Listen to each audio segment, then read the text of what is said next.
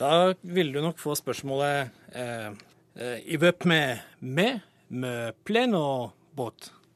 Det er altså Plen og Og- båt kan du kanskje kjenne igjen. Det er fly og båt. Da kom du hit med fly eller båt. Ja, så Da snakker vi om et sånt slags engelsk importord, ikke sant? Ja, det er riktig. for altså På Salomonøyene så er det eh, 71 eh, talte språk, hvorav engelsk er det offisielle språket. Og så er det et engelskbasert pidgin, som er liksom lingua franca, det alle eh, kan og bruker til hverdags når de snakker med noen som har et annet morsmål. Eh, og gjennom da engelsk og pidgin har det kommet masse låneord inn også. Det er riktig. Hvordan vil du karakterisere dette språket som, som nå veldig få bruker? Det er eh, et språk som er veldig eh, forskjellig eh, fra norsk.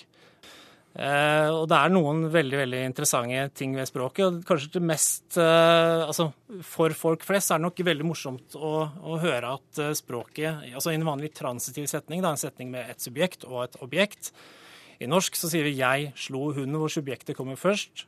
Og jeg, altså, og hunden, objektet, kommer til slutt etter verbet.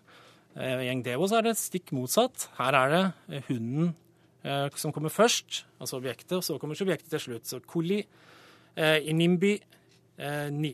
Det er da koli som er hund, inimbi slå, og ni jeg.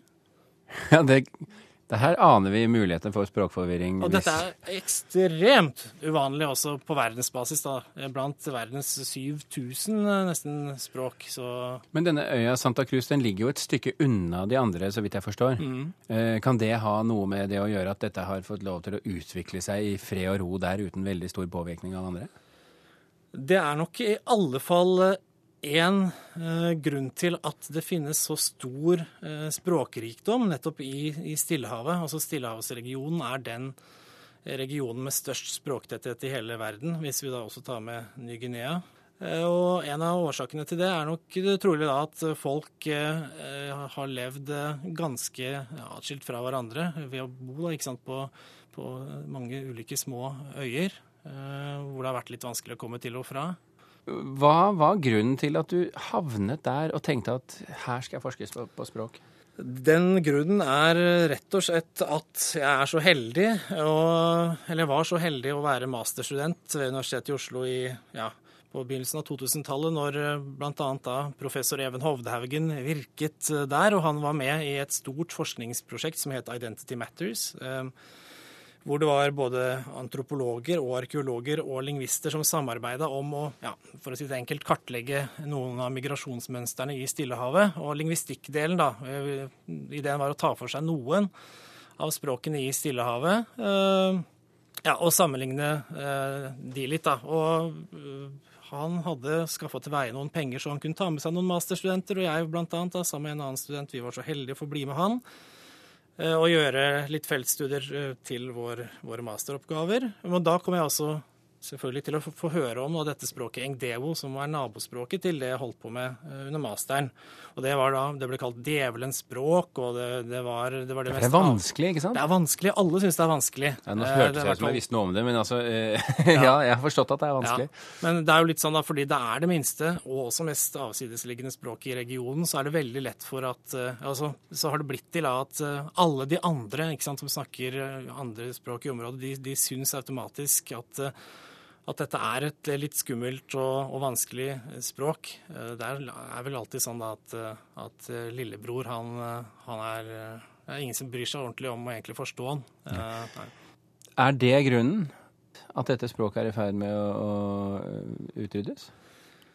Nå jeg skal jeg ikke si helt eh, sikkert hvorfor. Altså det, det er mange årsaker til at språket er i ferd med å bli eh, borte. Men en, viktig grunn sånn, nå i dag da, er at eh, altså, giftemønstrene har endra seg eh, de siste 100 årene. Altså Før i tida så, så var det ganske bestemte mønstre for hvem som kunne gifte seg med hvem, og ble noen gift, giftet inn i en Engdevo-landsby, så var det sånn da at de måtte også lære seg Engdevo-språket.